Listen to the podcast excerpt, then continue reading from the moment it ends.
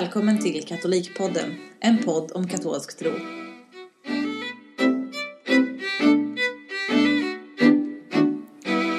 Hej och välkomna till dagens avsnitt av Katolikpodden. Woop, woop. idag, eh, idag sitter vi här eh, hemma hos Patrik och Paula. Eh, och det är jag, Alex och nämnda personer. eh, och vi ska idag prata om eh, skönheten.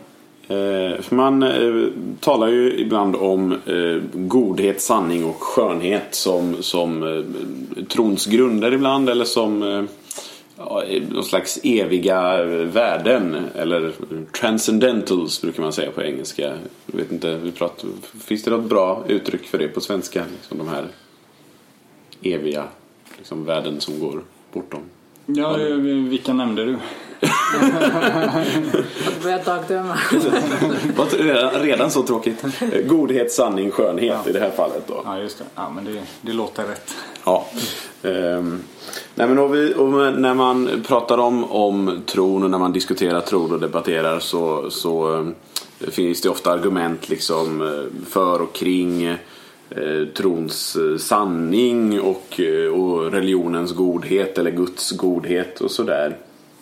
Men eh, det här om skönheten för ibland en lite tynande tillvaro kan jag tycka. Man talar liksom inte så mycket om, om, om skönheten och vad, vad den betyder för, för Gud och för, för tron kan jag tycka. Gjorde inte påven Benedikt det? Jag för mig han brukade ta upp att skönhet var ett sätt att eh, ta del av Gud. Ja, Madde håller med. Vi glömde nämna att hon också är med i precis. dagens Ja. avsnitt. Extra gäst. Precis. Ehm, Eh, jo, men eh, absolut. Det har väl kanske kommit lite i skymundan kan jag tycka det senaste. Alltså, det var ju mer kanske på medeltiden man byggde stora superkatedraler verkligen. Precis, Eh, precis. verkligen Försökte lyfta fram liksom skönheten som någonting. Eh, Ja. liksom. Men eh, Ja men för, för skönheten och sanningen hänger ju ihop väldigt mycket i det liksom att, att det, de, de kommer båda från Gud. Gud är sanningens källa. Gud är sanningen. Och Gud är också skönheten i, i det sättet, på det sättet. De hänger ihop. Eh, och, och som du säger så eh, Tidigare så var man mycket, mycket mer medveten om hur Gud faktiskt kan tala till oss genom skönheten. Genom just att man byggde stora katedraler och eh, i, i konsten också i kyrkan.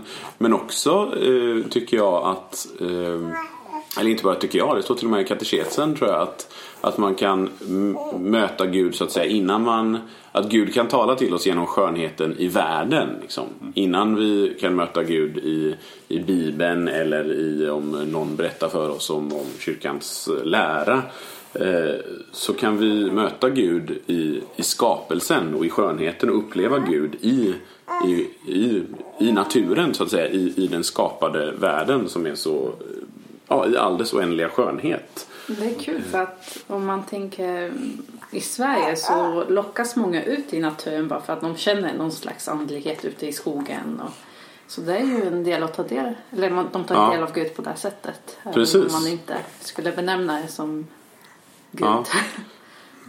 Jo, jag tror verkligen det. Att liksom det, det, eh, man kan uppleva Gud där på ett liksom eh, på, på, ett, på ett djupt liksom plan. På ett plan som liksom inte är medvetet på det sättet eller går att liksom formulera i ord. Utan att genom Gud har skapat världen så skön av just den anledningen. Och, och att det också är liksom ett, ett jag tycker upplever verkligen det som ett enormt stort gudsbevis. Hur, hur vackert världen är skapad. Jag kan verkligen, liksom, jag älskar att ut i skogen och jag älskar, jag älskar berg verkligen. Och berg är verkligen så här så häftiga och så vackra och att det bara skulle liksom så här att det bara skulle vara en slump liksom. Både i all dess stora skönhet eh, och eh, men också liksom i så utstuderad i detalj som det är. Det, det händer liksom inte att det bara är en slump utan det är verkligen ett otroligt starkt gudsbevis tycker jag. Det fanns ju någon studie, eller en ganska ny studie som visar att eh, arkitektur som är vacker eh, minskar risken för självmord. Ja, just det. Men nu håller man på att utveckla det vidare för att kolla just jag vet inte om det var en svensk studie, jag minns inte men jag kommer ihåg att jag stötte på det att eh, i de stadsmiljöer som var lite finare, lite mer fixade där mådde folk också bättre. Ja, jo men det har jag också läst om just det här att hur verkligen arkitekturen och skönheten liksom det påverkar folk liksom. Det gör det ju verkligen. Mm. Nu har Agnes också joinat oss. Ja, god morgon Agnes. Eller god, god middag kanske. Ta upp luren. Mm. men det är intressant också för det här eh, Fader Marek, eh, vår, vår kyrkoherde här i Märsta, han säger ju ibland någonting i stil med att så här, ja, att folk inte kommer till kyrkan utan ja, just det här du säger, de går ut i skogen och tror att ja, det finns Gud, Gud finns i skogen. Eh, och det finns han ju, men eh, då, det är ju en sida av skönheten. Men den skönheten finns ju också i kyrkan och i mässan, eller borde i alla fall finnas i, i kyrkan och i mässan. För jag menar, eh, vi möter Gud i mässan och eh, vi får höra Guds ord och vi får liksom ta emot Kristus i, i eukaristin. Men mässan är också ett tillfälle att möta Gud i den här skönheten som går bortom alla ord. Ehm, för jag menar, mässan kan firas i, all enkelhet i, i, i ett enkelt rum på ett tillfälligt bord utan musik, utan dekorationer, utan blommor, utan någonting.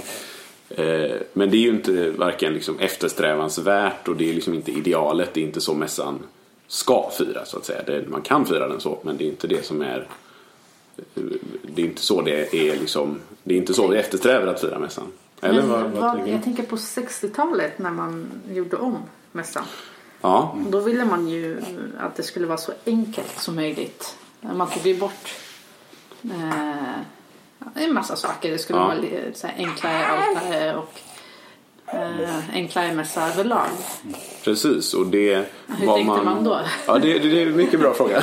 Nej men precis och det är en väldigt stor aspekt av, av det är en sak som tappades bort väldigt mycket i, i samband med, med liturgireformen att just den här ordlösa eh, skönheten försvann mycket för att så här, mässan är mycket mer just ordinriktad. Den är mycket mer verbal den nya mässan. Mm. Eh, den är mycket mer fokuserad på liksom på ordet och på bara det vi säger. Men just de här andra sakerna som mässan kan vara, de, de är inte alls lika tydliga i det. Eh, men det går ju ändå, det, sen så ja, blev det ju långt, inte riktigt som det var tänkt kanske i reformen heller och så vidare. Men det, det är en annan fråga. Eh, men jag tänker att, att eh, vi ska ju fortfarande sträva efter att mässan efter att skönheten i mässan ska, ska få komma fram i det. Vi, vi ska fortfarande bygga de här vackra katedralerna som du pratade om Patrik. Eh, och bygga, försöka bygga vackra kyrkor idag. Och vi ska ha eh, vacker och värdig musik. Vi ska ha eh, vackra blommor. Vi ska ha utsmyckningar. Och hela liturgin ska ju tala till oss på det sättet också. Eh, och det är ju också det en... Eller hur tänkte du? Jo, nej men absolut. Alltså hela... Det handlar väl om att ha en, kanske en, liksom en värdig liturgi på något sätt. Alltså, det är också någonting som kanske från det glada 60-talet på något sätt liksom kom väldigt starkt där. Det var ju just det där att man ska liksom delta väldigt mycket. Alltså mm. att man översatte gärna ordet liturgi, alltså det grekiska ordet för liturgi eh, är ju liksom för folket. Men man, jag vet inte om det var liksom att man kanske medvetet gjorde det men man började prata istället om att, att det är av folket. Just det.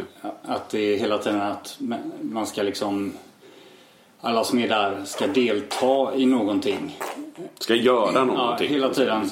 Ja. Fast egentligen så ursprungs...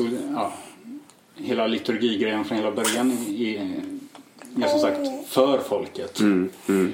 Um, Precis, för det, och det, det är ju ganska intressant för att eh, Alltså när, när, när, när man gifter sig så vill man gärna göra det i en vacker kyrka. Ni hade en otroligt vacker kyrka som ni gifte er i. Yeah. Täby. Täby kyrka, Täby, vad heter den? Gamla kyrka. Så. Heter den bara Täby kyrka? Ja, otroligt vacker med liksom vackra medeltida målningar och så vidare. Eh, men eh, en kyrka är ju inte bara platsen för, för, en, eh, för en trevlig för en trevlig tillställning. Mm. utan det är också platsen för mässan. Och mässan är ju också bröllop faktiskt. Det är ju Lammets bröllopsmåltid som vi deltar i. Det har vi pratat om när vi pratade om mässan som himlen på jorden. Mm. och vi får ju fira denna bröllopsmåltid varje, varje söndag och då Eh, och då ska vi verkligen liksom, utifrån våra förutsättningar göra det så bra som möjligt. Vi ska ha de absolut vackraste blommorna, vi ska ha den bästa musiken. Eh, ministranterna ska ha övat och kan allting ordentligt. Eh, predikan ska vara förberedd och ordentlig. Eh, Påvliga försångare och... Ja, precis. ja. Eh, det är inte alla församlingar som har påvliga försångare, men, eh, men det är okej okay ändå. Nej men för att förutom att det, eh, det är liksom lämpligt att, att göra detta för Lammets bröllopsmåltid så är ju allt detta vi gör också eh, ett, en del av vårt offer för, i mässan så att säga. En del av vår offergåva, det som vi lägger fram i, i mässan. Eh, jag menar, det har, någon har, vi har skänkt pengar för att eh, kanske bygga kyrkan eller renovera och dekorera den på olika sätt. Eh, ministranterna har lagt sin tid och övat och någon har lett dem och så vidare. Kören har övat vecka efter vecka för att sjunga och någon har tagit hand om blommorna och köpt och fixat. Och allt detta är ju, är ju en del av, av, av det offret som vi lägger fram. Och det är ganska intressant också, som det du sa Patrik, just det här om att det här är ju ingenting som varenda person i församlingen gör. Utan det här är ju olika delar av församlingen som också eh, på något sätt gör det här för resten av församlingen. Precis som prästen då firar mässan för hela församlingen. Precis. Man är inte, liturgin är ju inte beroende utav folket egentligen eller de som Nej, precis. är där. Egentligen, alltså Kristus har dött på korset oavsett. Det är den liksom... Ja, precis. Och det, det, ja, det är ju det. Och det är ganska intressant för det, det Eh, någon gång när det när om jag spelar på, på någon så här, på en högtid som infaller mitt i veckan och det kanske inte är så mycket folk så, har, så funderar man ibland så här, okej okay, men ska vi, hur, hur, hur högtidligt ska vi göra det när vi vet att det kommer liksom 20 personer? Eh, men jag har ändå landat i det att så här, det är klart vi ska göra det högtidligt ändå. För att som du säger, liksom, det spelar ingen roll om det är 20 personer där eller om det är 1000 personer där. För det är vi firar högtiden och vi firar mest offret. Och det är det som är högtiden och inte, det är helt oavsett hur många personer det är där. Eh, Precis, jag tror det är ju, jo, kyrkoherden i Kustkonungen församling i Göteborg, han brukar säga att ja, men, ja, om det nu inte dyker upp någon så är det, är det jag och änglarna. Ja, precis. Och helgonen också. Helgonen ja, också. Glöm inte helgonen. uh, ja, jo, men precis. Det, det är ju så. så det, nej, men och, och, och just därför så, så ska ju vi fira mässan så högtidligt och så värdigt som, och vackert som möjligt. För att det eh, allt det som vi lägger fram är ju gåvor som vi har fått från Gud och som vi ger tillbaka till Gud. Eh, och all den här skönheten som, som vi eh, får del av i mässan också. Den som sagt, den talar också till oss. Och den, Gud talar genom den och den uppfyller våra hjärtan och våra sinnen. Och inte bara hos de som gör det. Inte bara hos kören som sjunger eller ministranterna som får tjäna så att säga. Utan hos hela församlingen så att säga som får, får delta i detta och hos änglarna och helgonen och allihopa så att säga. Eh, och det är intressant för att också sen, eh, vi pratade lite om, om du pratade, nämnde liturgireformen Paula. Mm. Eh, och när, jag tänker på när eh, Alltså när, när vad heter det, eh, Summorum Pontificum kom och den gamla, sen den gamla mässan har blivit liksom mer tillåten och, och firas mycket mer. Så var ju också en av tankarna med det att den gamla liturgin skulle påverka den nya så att säga i det att, de, att man skulle sträva efter att den skulle firas mer värdigt och i, liksom, i samma jag vet inte, alltså i, i kontinuitet med. Ja, var den med. förbjuden? Ja, i princip. Alltså det, var, man, det, det krävdes specialtillstånd på olika sätt för att fira den gamla mässan fram till 2008, 5, 2000, 2008 var det, just det, precis. Just det, firade tioårsjubileum i år. Så var det. Men varför då? Ja, det förra året. Ja. Nu är det 2019 här. Hur kommer det sig att man förbjöd den? För att man hade gjort en liturgireform och tyckte ja, att nu är det man, den som gäller. Och...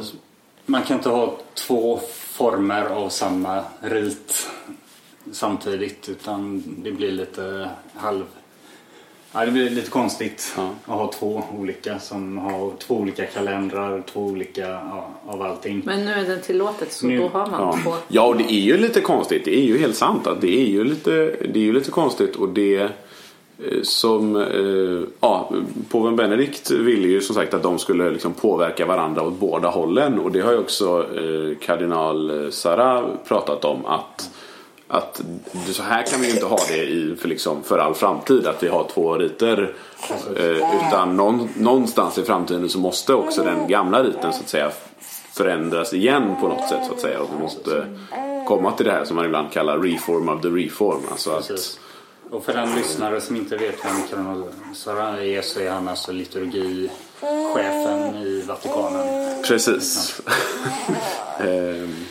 Så det, och, det, och det är ju väldigt intressant för jag tycker verkligen Det var någon som sa Jag vet inte vem det var som sa men jag som håller med väldigt mycket om att Om man om man eh, går i, i nya riten så saknar man vissa delar av den gamla riten och inte minst just de här den här eh, just transcendenta känslan lite grann av liksom den eh, skönheten och liksom det finns en helt annan Vördnad. Ja, det finns en annan vördnad och en annan liksom, ja, känsla vill jag inte säga, men en annan liksom stämning över hela. Det, finns, det, blir en annan, det blir verkligen en annan grej.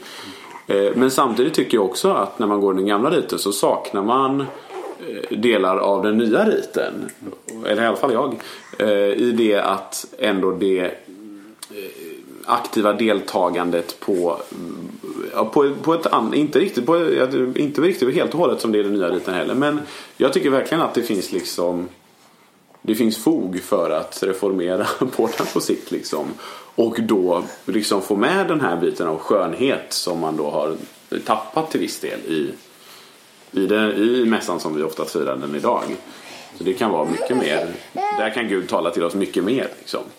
Men när man förenklade mässan eh, och motiverade där på något Jag har för mig att man sa att det skulle likna med hur det var i början eller någonting sånt. Ja, Eller fast man- det, ja, det En slags eh, liksom ja, hur fors vad forskarna trodde att den såg ut på 70-talet, 60-70-talet. Då tror de hur den såg ut alltså i, i fornkyrkan. Ja, precis. Eh, Man ville ju gå tillbaka till liksom källorna. Det var ju det som var hela liksom konciliets... Men hur tänkte man då med de östliga kyrkorna där det är ju mycket mer eh, som händer under mässan där och mycket mer musik och det är inte lika mycket deltagande som det är i... Nej, det brydde man sig inte så mycket om så att säga i och med att det, det, det var deras problem i någon mån. Men sen vet man ju också idag att att en del av den här, eh, de här källorna som man, försökte, som man hade och försökte gå tillbaka till inte liksom stämmer helt och hållet. Ja, men jag tänker just för att ortodoxa har väl inte, eller hade inte ändrat så mycket. Nej precis och det är ju det. det alltså den nya riten som vi firar den idag i, i den romerska riten som vi firar idag är ju egentligen den udda fågeln så att säga i kristenheten. Eh, ja, ja, alltså undantaget liksom frikyrkorna som inte har liksom liturgi men de, de liturgiska kyrkorna så är ju liksom den nya riten mer, mer ett undantag. Eh, och det talar ju också för att det är någonting som är lite udda. Den romerska riten, alltså så som vi kände den innan lit- liturgireformen var ju faktiskt dessutom den absolut äldsta mässformen som fortfarande brukades inom kyrkan.